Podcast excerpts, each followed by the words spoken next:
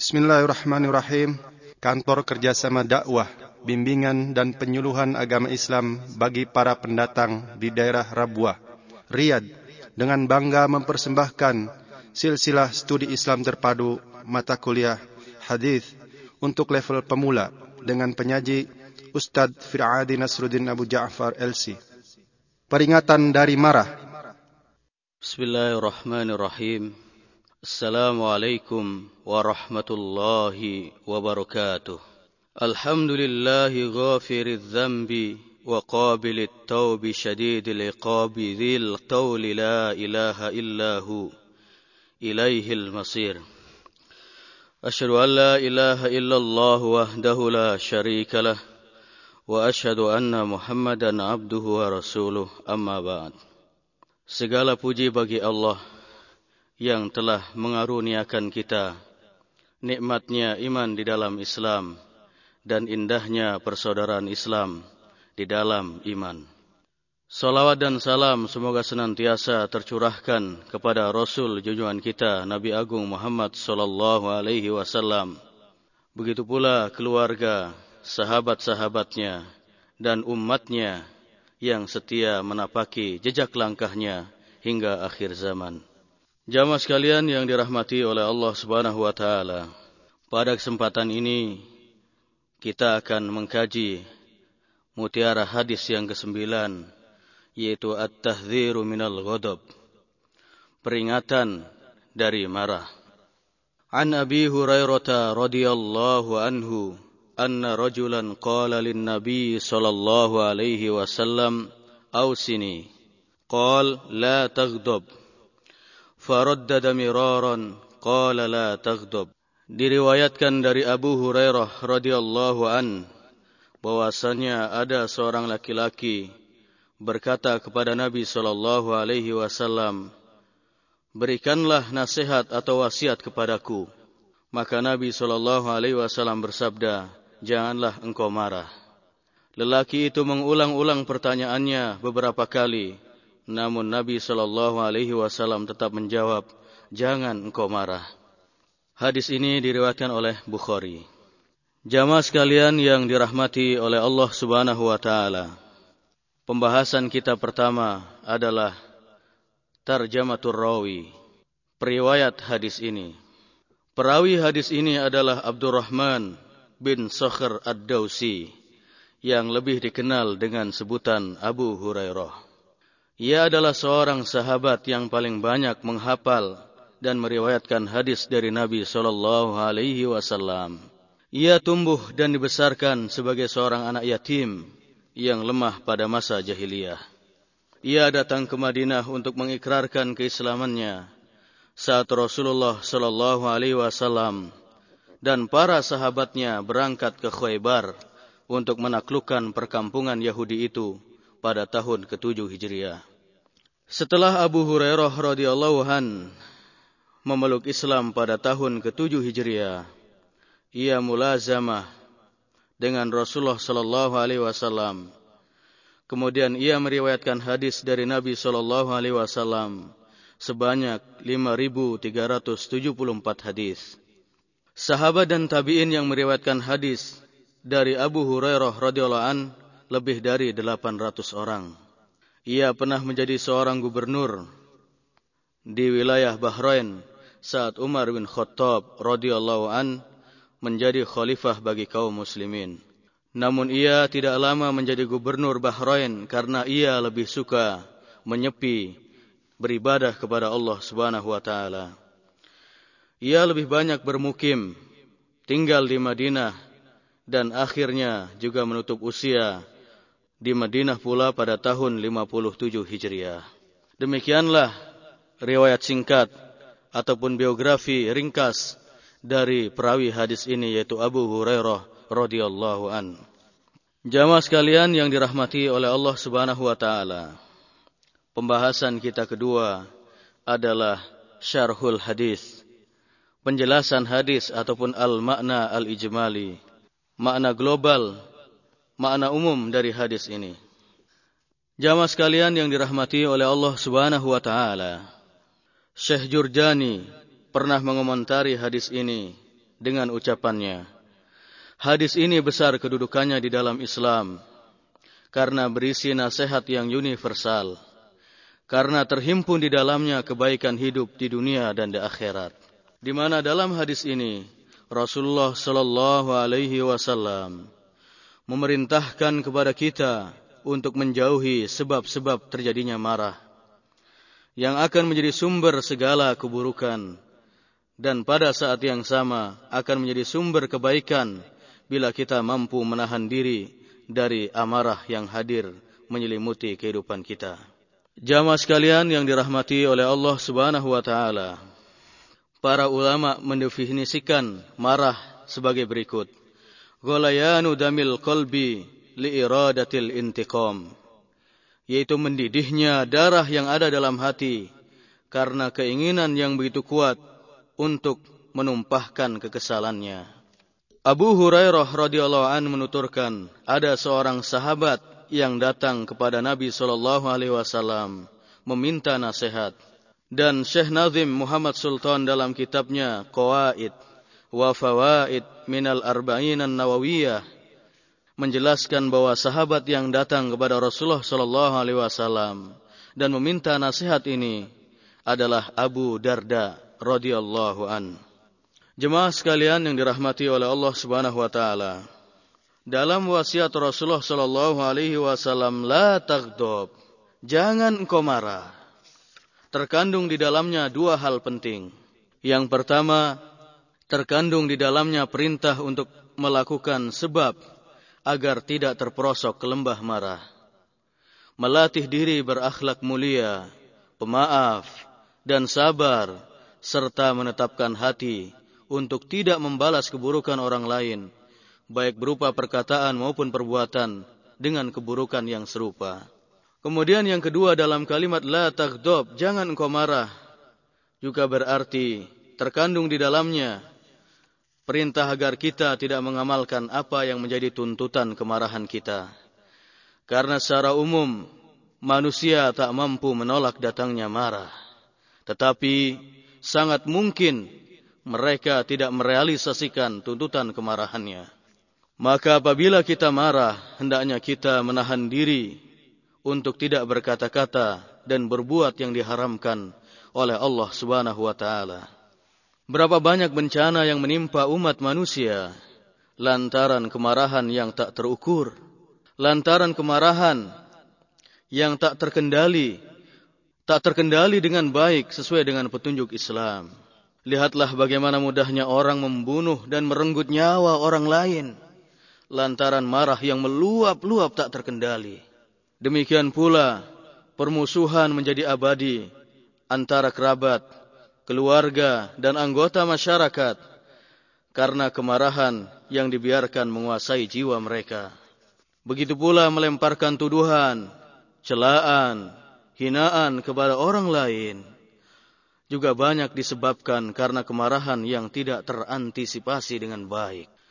Dan tidak sedikit pula suami yang menceraikan istrinya lantaran marah dan masih banyak lagi bencana-bencana yang lahir dari kemarahan yang tak terkendali, kemarahan yang tak terukur, kemarahan yang tak terantisipasi. Jamaah sekalian yang dirahmati oleh Allah Subhanahu wa taala. Marah terbagi menjadi tiga tingkatan. Yang pertama adalah al-ifratu fil ghadab, marah yang melampaui batas. Hingga pelakunya tidak sadar dengan apa yang ia ucapkan dan apa yang ia perbuat. Bentuk kemarahan ini sangat tercela di dalam Islam. Kemudian yang kedua adalah at-tafritu fil ghadab, yaitu tidak memiliki jiwa marah saat uh, tidak memiliki marah sama sekali dalam jiwanya.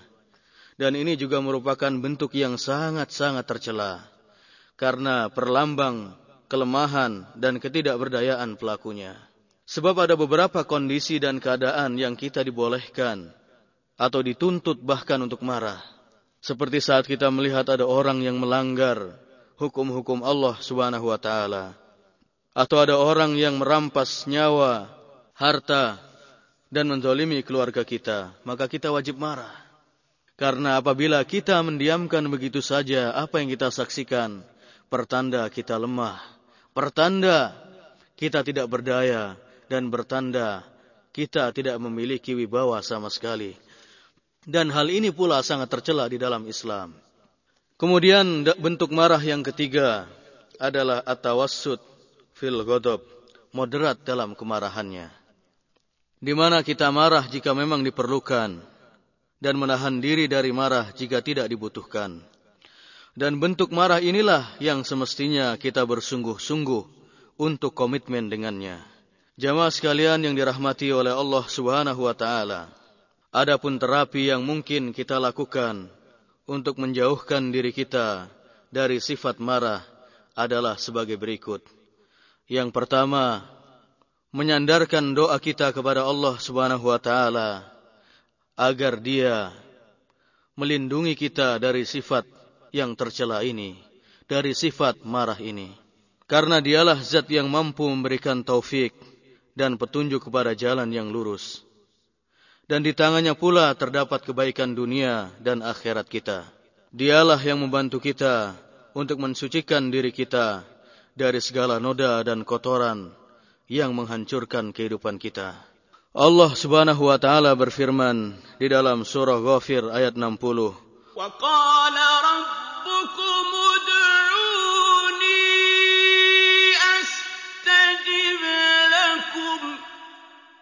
Berdoalah kepadaku, niscaya akan kuperkenankan bagimu.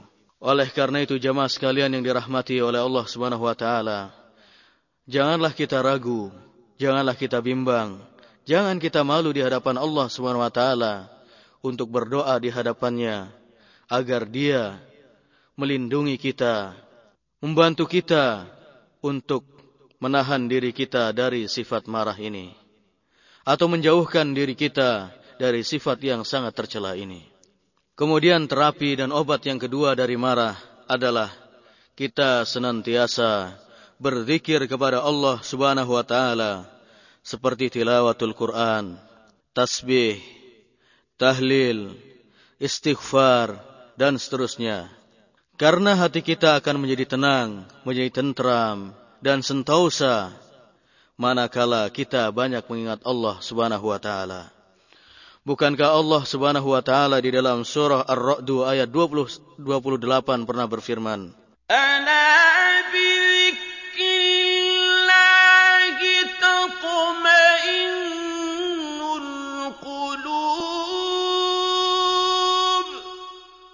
Ingatlah, hanya dengan mengingat Allah, hati menjadi tenang.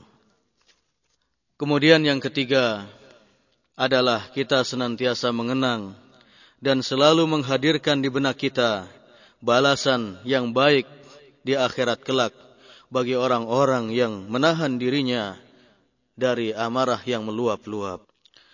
Karena Rasulullah sallallahu alaihi wasallam pernah bersabda, "Man kadzama ghaidhan wa huwa qadirun ala an yunfidhahu, da'ahu Allah subhanahu ala ru'usil khalaiq." Hatta yukhayyirahu minal huril ain yuzawwijuhu minha ma syaa. Barang siapa yang mampu menahan amarahnya padahal ia sanggup untuk melampiaskannya maka Allah Subhanahu wa taala akan memanggilnya di hadapan para malaikat sehingga ia memilih bidadari dan jelita. Lalu Allah menikahkannya dengan bidadari yang ia kehendaki hadis riwayat Tirmizi dan Ibnu Majah serta disohhehkan oleh Syekh Albani. Jemaah sekalian yang dirahmati oleh Allah Subhanahu wa taala, siapa yang tidak mendambakan beristrikan bidadari di sorga? Siapa yang tidak pernah bermimpi untuk bisa bersanding dengan bidadari nan cantik jelita yang digambarkan oleh Rasulullah sallallahu alaihi wasallam apabila bidadari mengintip ke dunia maka seluruh alam semesta akan tersinari oleh kedua mata bidadari. Kemudian seluruh alam semesta, langit dan bumi juga akan terharumi oleh harumnya bidadari yang harum semerbak. Serta jilbab yang dikenakan oleh bidadari itu lebih mahal dari dunia dan seisinya. Siapa yang tidak ingin menikahi bidadari di surga kelak. Maka bidadari yang begitu cantik jelita yang banyak digambarkan dan dilukiskan oleh Allah SWT dalam Al-Quran ataupun digambarkan oleh Rasulullah Sallallahu Alaihi Wasallam dalam hadis-hadis sohehnya, maka salah satu cara yang kita tempuh adalah dengan menahan diri kita dari amarah. Kita berusaha untuk menjadi orang yang penyantun, pemaaf dari kesalahan-kesalahan orang lain. Jamaah sekalian yang dirahmati oleh Allah Subhanahu wa taala. Kemudian yang keempat adalah kita memohon perlindungan kepada Allah Subhanahu wa taala dari sifat marah yaitu dengan ucapan a'udzubillahi minasyaitonir rajim. Aku berlindung kepada Allah dari godaan syaitan yang terkutuk. Hal ini berdasarkan hadis yang diriwayatkan oleh Bukhari dan Muslim dari Sulaiman bin Syart radhiyallahu an. Ia berkata, pernah ada dua orang yang bertengkar di dekat Nabi Shallallahu Alaihi Wasallam. Kemudian salah satu dari keduanya meluap-luap amarahnya hingga merah padamlah wajahnya. Nabi Shallallahu Alaihi Wasallam bersabda di hadapan para sahabatnya, Inni lau alimu kalimatan, lau qalaha la dhahaba anhu alladhi yajid. Lau qala a'udhu billahi minasyaitonir rajim. Sesungguhnya aku benar-benar akan mengajarkan satu kalimat yang apabila ia ucapkan, maka akan sinarlah amarahnya. Sekiranya dia mengucapkan, A'udhu billahi minasyaitonir rajim. Lalu para sahabat mendatangi lelaki yang marah tadi. Seraya berkata, Ala tasma'u ma yakulun nabi? Bukankah engkau telah mendengar apa yang diucapkan oleh Nabi sallallahu alaihi wasallam? Maka lelaki yang marah tadi berkata, Inni lastu bimajnun. Iya, karena aku bukanlah seorang yang gila. Jemaah sekalian yang dirahmati oleh Allah Subhanahu wa taala. Kemudian terapi yang kelima, obat supaya kita bisa terhindar dari marah adalah merubah keadaan saat marah. Bila saat marah kita dalam keadaan berdiri, maka kita rubah kondisi kita keadaan kita menjadi duduk. Bila belum juga reda amarah kita, maka kita hendaknya berbaring. Hal ini berdasarkan hadis yang diriwayatkan dari Abu Dzar Al-Ghifari radhiyallahu an bahwasanya Rasulullah sallallahu alaihi wasallam pernah bersabda, "Idza wadiba ahadukum wa huwa qa'imun falyajlis, fa in dhahaba anhu al-ghadab wa illa falyattaji." Apabila salah seorang dari kamu marah, sedang ia dalam keadaan berdiri, maka hendaklah ia duduk. Maka jika belum juga reda kemarahannya, maka hendaklah ia berbaring. Jemaah sekalian yang dirahmati oleh Allah Subhanahu wa taala. Kemudian obat yang keenam dari marah adalah kita berwudu. Kita mengambil air wudu, kemudian kita berwudu sebagaimana kita berwudu untuk sholat. Jadi bila kita disapa kemarahan, maka segeralah kita berwudu. Karena wudu akan meredakan kemarahan kita. Hal ini sebagaimana hadis yang diriwayatkan oleh Urwah bin Muhammad As-Sa'di dari ayahnya, dari kakeknya yang marfu kepada Rasulullah sallallahu alaihi wasallam. Innal ghadaba minasyaiton wa inna syaitana khuliqa minan nar wa innama tudfa'un naru bil ma' fa idza ghadiba ahadukum falyatawadda Sesungguhnya marah itu berasal dari syaitan dan syaitan itu diciptakan dari api. Dan sesungguhnya api dapat redam, dapat mati bila disiram dengan air. Maka apabila salah seorang dari kalian marah, maka hendaklah ia berwudu. Hadis riwayat Abu Dawud. Jemaah sekalian yang dirahmati oleh Allah Subhanahu wa taala, barangkali ini yang jarang kita lakukan. Apabila kita marah kepada orang lain, kepada keluarga kita, kepada orang-orang yang di sekeliling kita, karib kerabat kita, maka kita jarang mengamalkan sunnah Rasulullah Sallallahu Alaihi Wasallam ini. Jarang kita berwudu, jarang wajah kita tersentuh dengan air wudu, tangan kita dibanjur dengan air suci. Begitu pula kaki-kaki kita. Jarang sekali dibasuh dengan air wudhu, terkecuali pada saat kita hendak melakukan sholat. Namun Rasulullah Shallallahu Alaihi Wasallam memberikan petunjuk kepada kita bahwa berwudu juga bisa kita lakukan ketika kita marah. Dan itu adalah obat yang sangat-sangat mujarab untuk meredam kemarahan kita. Oleh karena itu, tunggu apa lagi? Kenapa kita tidak mencobanya? Jemaah sekalian yang dirahmati oleh Allah Subhanahu wa taala. Kemudian obat yang ketujuh agar kita terhindar dari marah. Hatta, hatta amarah kita menjadi redam, menjadi sirna adalah dengan diam, tidak berkata-kata. Jadi apabila kita merasakan emosi yang meluap-luap ketika melihat kesalahan orang lain atau kita kesal dengan orang lain, maka supaya kita tidak terjatuh ke dalam amarah, maka hendaklah kita diam seribu bahasa, diam saja, tidak berkata-kata. Hal ini berdasarkan hadis yang diriwayatkan oleh Imam Ahmad dalam kitab musnadnya dari Abdullah bin Abbas radhiyallahu an dari Nabi Shallallahu Alaihi Wasallam bersabda, "Ida ghadiba ahadukum falyaskut." Apabila salah seorang dari kamu marah, maka diamlah. Jemaah sekalian yang dirahmati oleh Allah Subhanahu wa taala, Ibnu Rajab rahimahullah pernah berkata, dia merupakan obat yang sangat mujarab untuk mengatasi marah. Karena marah biasanya akan membuat menyesal pelakunya ketika ia tersadar dari ucapan yang kotor seperti mencela, menghardik dan lain-lain. Maka apabila ia sanggup menahan diri untuk diam, tidak berkata-kata, maka hendaklah ia diam karena ia akan selamat dari segala bentuk keburukan segala apa pun. Jadi apabila kita diam, tidak melampiaskan amarah kita kepada orang yang membuat kita marah, maka otomatis kita akan selamat dari mencela, dari menghardik, dari segala bentuk keburukan yang bisa meluncur dari lisan kita akibat marah. Dan tidak ada amarah yang menimbulkan atau mengalirkan satu ketenangan, kebahagiaan, bahkan kepuasan tidak.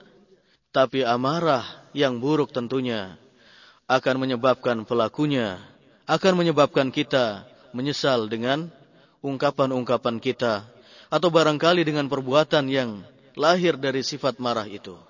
Oleh karena itu, jamaah sekalian yang dirahmati oleh Allah SWT, marilah kita mencoba terapi ini, yaitu apabila kita terkuasai oleh amarah, maka hendaklah kita diam seribu bahasa, tidak berkata-kata dan tidak berbuat apa pun. Niscaya keberuntungan, niscaya kebahagiaan akan senantiasa menghiasi kehidupan kita. Jemaah sekalian yang dirahmati oleh Allah Subhanahu wa taala. Kemudian terapi yang kedelapan adalah memberikan pada tubuh kita akan hak-haknya masing-masing. Tubuh kita juga membutuhkan tidur, membutuhkan rehat, membutuhkan rileks, dan jangan sampai kita memberi beban yang berlebihan kepada tubuh kita sehingga tubuh kita terasa lelah, penat dan capek. Karena dalam kondisi semacam ini, kita cukup rentan disapa dengan kemarahan dan kekesalan.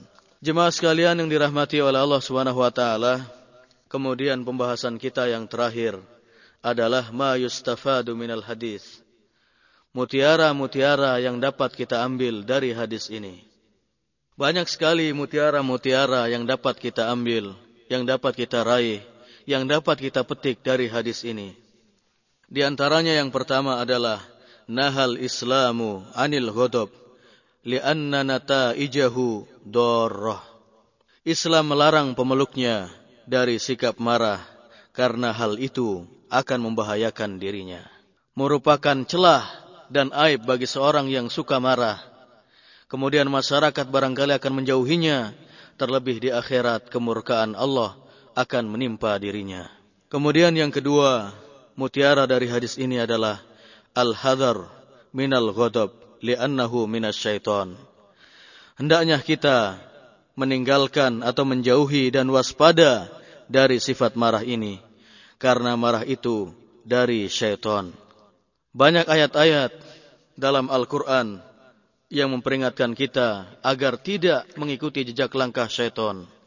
Di antaranya adalah firman Allah. Ya ayyuhalladzina amanu dukhulu fis silmi kaffah ولا تتبعوا خطوات الشيطان إنه لكم عدو مبين Wahai orang-orang yang beriman, masuklah kamu ke dalam Islam secara keseluruhan. Dan janganlah kamu mengikuti jejak langkah syaitan, karena syaitan itu adalah musuh yang nyata bagimu.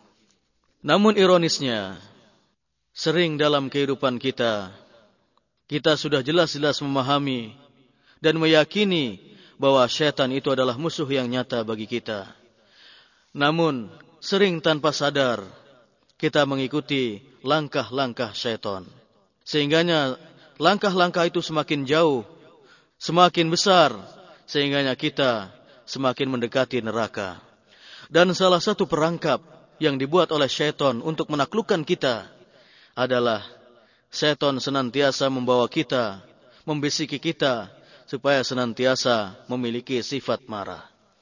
Oleh karena itu hadis ini mengingatkan kita agar kita terjauhkan dari segala tipu daya, segala jebakan-jebakan yang mungkin dipasang oleh syaitan. Di antaranya adalah dengan menjauhi sifat marah ini. Mudah-mudahan kita terjauhkan dari jejak langkah syaitan. Kemudian yang ketiga, mutiara yang dapat kita ambil dari hadis ini adalah al-muslimu la yakhdubul akharin bighairi haqqin.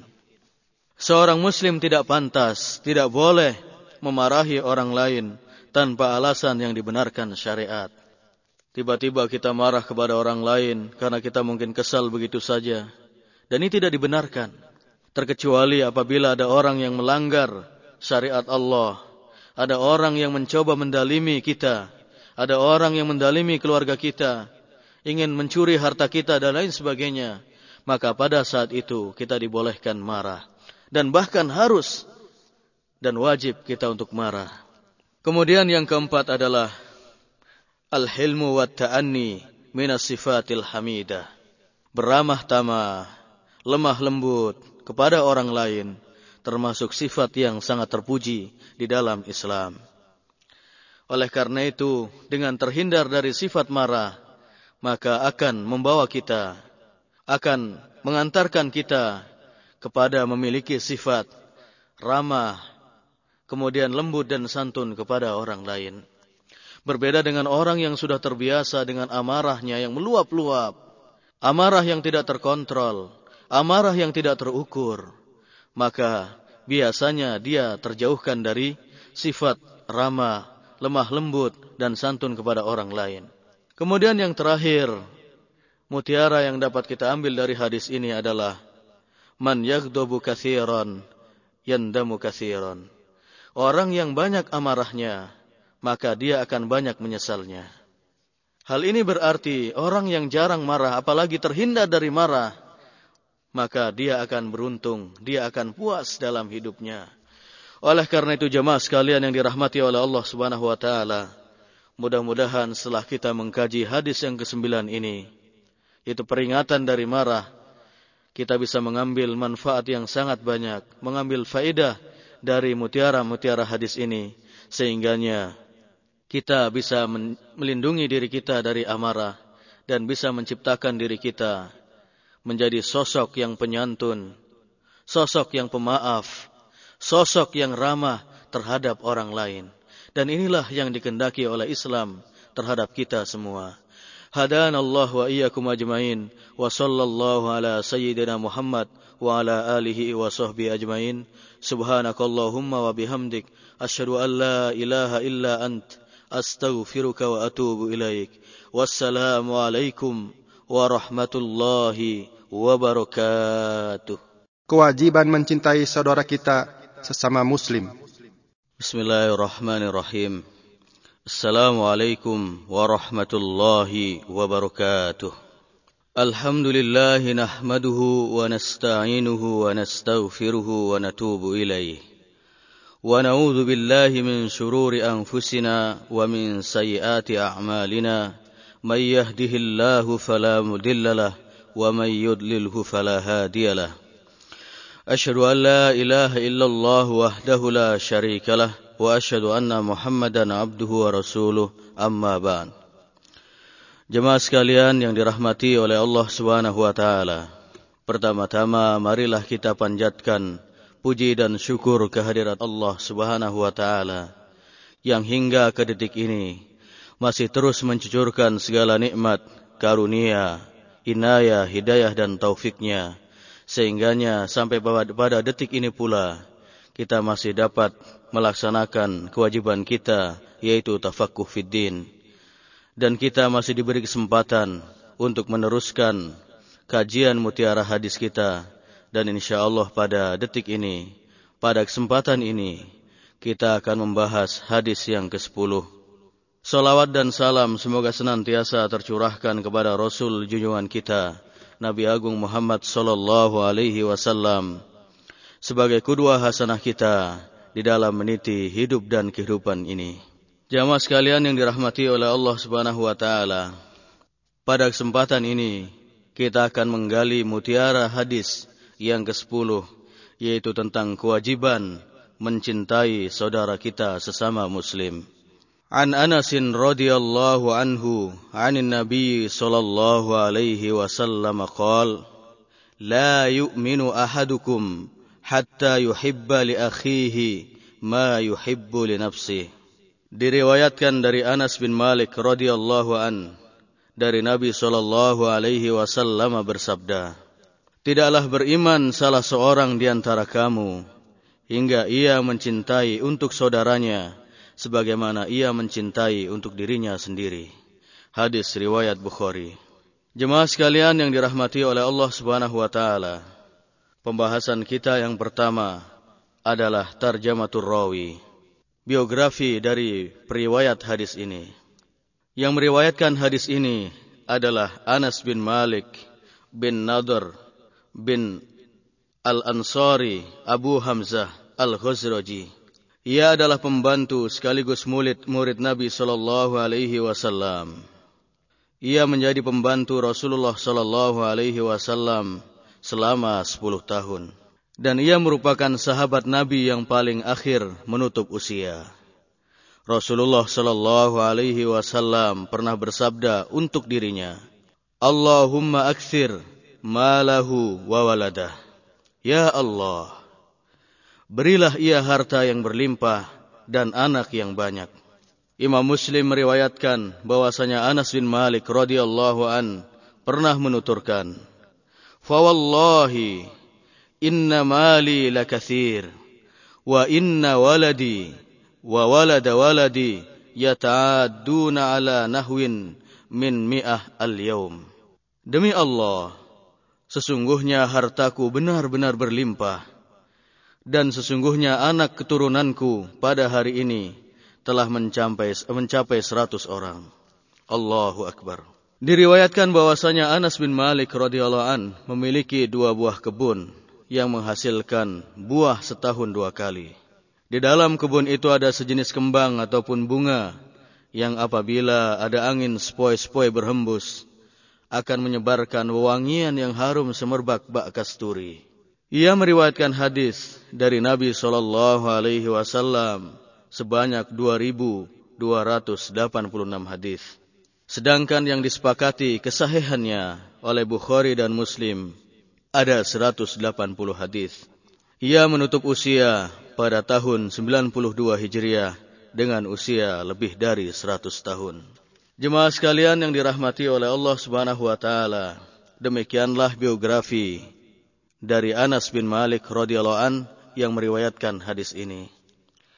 Selanjutnya pembahasan kita yang kedua adalah manzilatul hadis, kedudukan hadis ini. Hadis ini sangat tinggi kedudukannya di dalam Islam dan sangat-sangat dijunjung tinggi nilainya oleh para ulama. Karena hadis ini menunjukkan batasan-batasan pergaulan dan interaksi antar sesama muslim. Apa yang disukai oleh seseorang atau seorang muslim untuk dirinya, baik dari perkataan, perbuatan maupun tingkah laku, maka demikian pula hendaknya ia sukai untuk orang lain.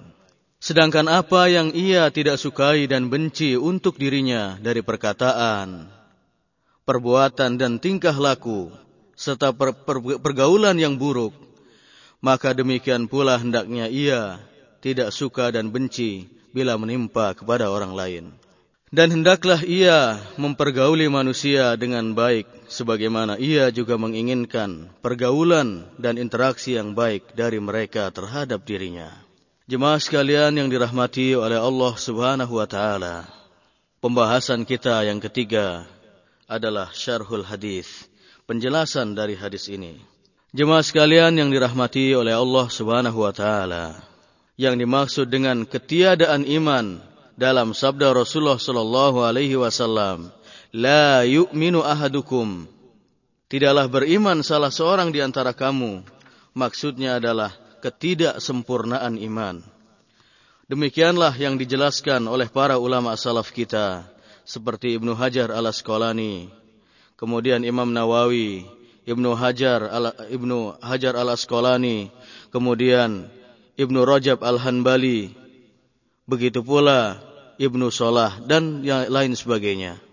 Kalimat ini senada dengan ungkapan orang Arab kepada orang yang beringas, kejam, sadis seperti binatang dengan ucapan mereka, fulanun laisa insan. Si fulan itu bukan manusia. Dari ungkapan ini bukan berarti si fulan bukan manusia tetapi karena si fulan memiliki sifat seperti sifat binatang buas. Jemaah sekalian yang dirahmati oleh Allah Subhanahu wa taala, berarti makna daripada hadis ini adalah sebagaimana yang dikatakan oleh Ibnu Salah rahimahullah. Maknahu la yukmilu imanu ahadin hatta yuhibba li akhihi fil islami misla ma yuhibbu li nafsihi. Tidaklah sempurna iman seseorang hingga ia mencintai saudaranya sesama muslim seperti ia mencintai dirinya sendiri. Hadis ini mengajarkan kepada kita bahwa merupakan bukti kesempurnaan keimanan kita adalah bila kita mencintai saudara kita sesama muslim sebagaimana kita mencintai diri kita sendiri baik yang menyangkut persoalan dunia maupun agama. Bila kita menyukai kelapangan rezeki, keluarga bahagia yang penuh dengan mawaddah warahmah, dimudahkan urusan kita, ada solusi bagi permasalahan hidup yang kita alami, kesehatan yang baik mengiringi perjalanan hidup kita, memiliki generasi yang soleh dan soleha, tempat tinggal yang serasi, kendaraan yang nyaman, pekerjaan yang memadai, dan seterusnya maka demikian pula kita menyukainya ada pada saudara-saudara kita. Jemaah sekalian yang dirahmati oleh Allah Subhanahu wa taala. Jika kita menginginkan istiqomah di jalan Islam, dapat beribadah dengan tenang dan khusyuk, berkorban dan berjihad di jalan Allah, merenungi dan menghayati isi kandungan Al-Quran dan sunnah-sunnah Rasulullah Sallallahu Alaihi Wasallam, berbakti kepada orang tua, berbuat baik kepada sanak saudara, meringankan beban si lemah, membantu yang berkekurangan, bersedekah kepada yang membutuhkan, berbuat ihsan kepada tetangga dan begitulah seterusnya. Maka demikian itulah yang kita inginkan dari saudara kita sesama muslim. Bila kita enggan terperosok ke lembah dosa dan maksiat atau terlempar ke jurang kesesatan dan bid'ah, maka demikian pula kita tidak menginginkannya menimpa saudara-saudara kita sesama muslim. Bila kita melihat ada seekor kucing berada di tepi jurang nan dalam, maka kita berusaha untuk menjauhkannya dari jurang tersebut. Apatah lagi bila kita melihat ada saudara kita sesama muslim yang berada di tepi jurang neraka karena dosa, maksiat dan kesesatan yang ia alami maka tentulah kita berusaha untuk menyelamatkannya agar tidak terjatuh ke dalam kebinasaan. Karena demikian itu pula kita inginkan dari saudara-saudara kita sesama muslim. Jemaah sekalian yang dirahmati oleh Allah Subhanahu wa taala.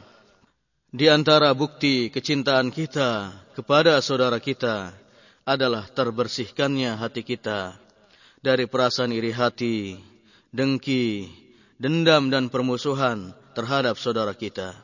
Karena iri hati, dengki, dendam dan permusuhan akan menghalangi kita dari mencintai saudara kita. Bahkan hal itu akan menyeret kita untuk selalu memiliki keinginan dan obsesi selalu berada di atas orang lain dalam segala hal, dalam harta, kemudian kedudukan, jabatan, prestasi, ataupun yang lain. Maka ketika kita melihat dari saudara-saudara kita, lebih dari kita, maka akan menimbulkan sifat egois, kedengkian, iri hati, dan begitulah seterusnya. Makanya mustahil ketika kita tidak mampu mengobati Penyakit-penyakit mental semacam ini dari iri hati, dendam kusumat, hasad, ataupun yang lain. Kita mencintai saudara kita sangat jauh, mustahil. Karena kecintaan itu akan tumbuh berkembang, akan sumbur dan rekat manakala kita mampu membebaskan dan melepaskan jiwa kita dari perasaan-perasaan yang semacam itu tadi, seperti iri hati, dendam, dengki dan seterusnya. Jemaah sekalian yang dirahmati oleh Allah Subhanahu wa taala. Bila kita mampu merealisasikan mewujudkan hadis ini dengan baik di mana kita telah mencintai saudara-saudara kita sesama muslim sebagaimana kita mencintai diri kita sendiri maka akan tercapai akan tercipta persaudaraan iman yang tulus suci yang ditaburi cinta dan kasih sayang yang murni. Suatu jalinan kasih yang berada di atas jalinan jalinan pertalian darah, kesukuan, kabilah maupun harta dunia. Sungguh indah gambaran Rasulullah Shallallahu Alaihi Wasallam dalam sabdanya yang diriwayatkan oleh Bukhari dan Muslim. Tarol mu'minina fi tawaddihim wa tarahumihim masalul jasad. Ida shtaka minhu udwun Tada'alahu sairul jasadi bis sahari wal humma. Engkau saksikan orang-orang mukmin dalam jalinan cinta dan kasih sayang, ibarat satu tubuh. Apabila ada salah satu anggota tubuh yang sakit, maka seluruh anggota tubuh akan merasakan sakit dan demam. Jemaah sekalian yang dirahmati oleh Allah Subhanahu wa taala. Para salafus soleh kita adalah cermin kehidupan kita yang tak pernah usang. Pada mereka ada keteladanan yang tak akan lapuk di telan usia. Keteladanan yang dapat menjadi obor yang menyinari perjalanan hidup kita. Mereka adalah contoh yang paling baik bagaimana mereka menerjemahkan hadis ini, yaitu la yu'minu ahadukum hatta yuhibba li akhihi ma yuhibbu li nafsih. Tidaklah beriman salah seorang di antara kamu hingga ia mencintai untuk saudaranya sebagaimana ia mencintai untuk dirinya sendiri. Adalah Ibnu Abbas radhiyallahu anhuma pakar tafsir terdepan dari kalangan sahabat pernah menuturkan Inni la amurru 'alal ayah min kitabillah fa awaddu anna an-nasa kullahum ya'lamuna minha ma a'lam Sesungguhnya saat aku membaca dan merenungi kandungan ayat dari kitab Allah maka aku sangat bahagia jika umat seluruhnya mengetahui isi kandungannya seperti yang aku ketahui.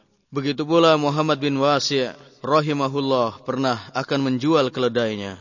Kemudian berkata salah seorang sahabatnya, Apakah engkau rela jika keledai itu engkau berikan kepadaku? Maka Muhammad bin Wasi' menjawab, Jika engkau mau, maka akan aku tidak menjualnya kepada orang lain, tapi aku berikan kepadamu. Sungguh mulia dan indah kepribadian para salafus soleh kita. Maka pertanyaan kita adalah, Fa'aina nahnu min akhlaqis salaf? Di manakah kita dari akhlak para salaf? Di manakah kita dari kepribadian para salafus soleh kita? Maka kita terlalu jauh tertinggal. Mereka sudah berada di mana? Berada di tempat yang jauh. Sementara kita masih terseok-seok melangkah menusuri perjalanan hidup kita. Kita berada di sebuah lembah sementara mereka sudah berada di lembah yang sangat jauh, lembah kebaikan dan puncak keluhuran. Jamaah sekalian yang dirahmati oleh Allah Subhanahu wa taala, maka sekali lagi tidak ada keburukan, tidak ada kesia-siaan meneladani kehidupan para salafus soleh kita. Karena pada keteladanan atau meneladani kehidupan mereka, ada keberuntungan bagi kehidupan kita. Oleh karena itu, tunggu apa lagi para jemaah sekalian? Mengapa kita tidak menelusuri? Mengapa kita tidak menapaki? Mengapa kita tidak meneladani kehidupan mereka? Justru kita menjadikan idola-idola yang akan menjauhkan kita dari ajaran Islam. Justru terkadang kita terbawa pada arus duniawi sehingga kita menjadikan orang-orang yang buruk perangainya sebagai keteladanan atau sebagai teladan dalam kehidupan kita. Lihatlah berapa banyak umat Islam yang menjadikan para artis dan selebritis sebagai idola mereka. Tidak sedikit yang menjadikan ulama-ulama su, ulama-ulama yang buruk sebagai panutan mereka. Nauzubillahi min dalik. Oleh karena itu, para jamaah sekalian, tidak ada keberuntungan, tidak ada kebaikan kecuali kita mengikuti dan meneladani kehidupan orang-orang yang soleh di masa yang lalu dari para sahabat, para tabi'in, para tabi tabi'in dan begitulah seterusnya. Jemaah sekalian yang dirahmati oleh Allah Subhanahu wa taala, pembahasan kita yang keempat yang terakhir yaitu al-mustafadu minal hadis. Buah yang dapat kita petik dari hadis ini. Yang pertama, di antara kesempurnaan iman adalah seorang muslim mencintai saudara-saudaranya sama muslim sebagaimana ia mencintai dirinya sendiri dan membenci bagi mereka apa yang ia benci untuk dirinya. Yang kedua, di antara bentuk kecintaan seorang muslim terhadap saudaranya adalah membimbing dan menunjukkan kepada setiap kebaikan dan mencegahnya dari perbuatan dosa dan maksiat, kesesatan dan bid'ah. Dan begitulah seterusnya. Buah ataupun mutiara yang dapat kita ambil dari hadis ini yang ketiga adalah merealisasikan hadis ini dapat menyuburkan cinta dan memperkuat ikatan kasih sayang di antara individu dalam masyarakat Islam. Sehingga mereka menjadi seperti satu tubuh yang apabila salah satu anggota tubuhnya sakit, maka akan dirasakan oleh anggota tubuh yang lain. Atau ibarat satu bangunan di mana setiap tonggak, pilar dan tiangnya saling menguatkan antara yang satu dengan yang lain. Yang keempat, Hadis ini juga menunjukkan buruknya sifat egoistis, iri hati, dengki, benci dan permusuhan. Karena sifat-sifat semacam ini, bila ada pada seseorang, maka dia tidak akan mencintai saudaranya sebagaimana ia mencintai dirinya sendiri. Hal ini berarti ia tidak mencintai untuk saudaranya setiap kebaikan, baik dunia ataupun akhirat, karena ia ingin selalu mengungguli saudaranya yang lain. Yang terakhir, bahwa hadis ini juga menunjukkan bahwa iman itu fluktuatif. Ibarat air di lautan biru, terkadang pasang dan terkadang surut. Terkadang bertambah dan pada saat yang lain akan berkurang. Bertambah dengan ketaatan dan amalan-amalan yang soleh, sementara iman akan berkurang karena dosa dan maksiat. Imam Bukhari dalam kitab sohehnya membuat satu bab khusus dalam masalah ini yaitu bab ziyadatul iman wa nuksanuh, yaitu bab bertambahnya dan berkurangnya iman. Wallahu a'lam. Jamaah sekalian yang dirahmati oleh Allah SWT, demikianlah kajian kita pada hari ini. Mudah-mudahan bermanfaat buat kita semua. Dan mudah-mudahan kita bisa merealisasikan hadis ini di mana kita mulai berusaha untuk mencintai saudara kita sebagaimana kita mencintai diri kita sendiri. Kita mencintai untuk saudara kita sebagaimana kita mencintai apa-apa yang baik untuk kita sendiri. Hadana Allah wa iyyakum ajmain wa sallallahu ala sayyidina Muhammad wa ala alihi wa sahbihi ajmain. Subhanakallahumma wa bihamdik asyhadu an la ilaha illa ant astaghfiruka wa atubu ilaik. Wassalamu alaikum warahmatullahi wabarakatuh. Mudah-mudahan Allah Subhanahu wa taala memberikan kepahaman kepada Anda setelah mendengarkan silsilah studi Islam terpadu ini. Bagi Anda yang berminat memiliki album kaset studi Islam terpadu ini, dapat menghubungi kami di kantor kerjasama dakwah, bimbingan dan penyuluhan agama Islam bagi para pendatang di daerah Rabuah, Riyadh. PO Box 29465 Riyadh 11457. Telepon 445 4900 491 6065. Fax 497 0126. Rabwa Jalan Amir Mat'aib samping Bang Al-Rahji cabang Rabwa. Assalamualaikum warahmatullahi wabarakatuh. تم تسجيل هذه المادة في استديو المكتب التعاوني للدعوة وتوعية الجاليات بالربوة في مدينة الرياض.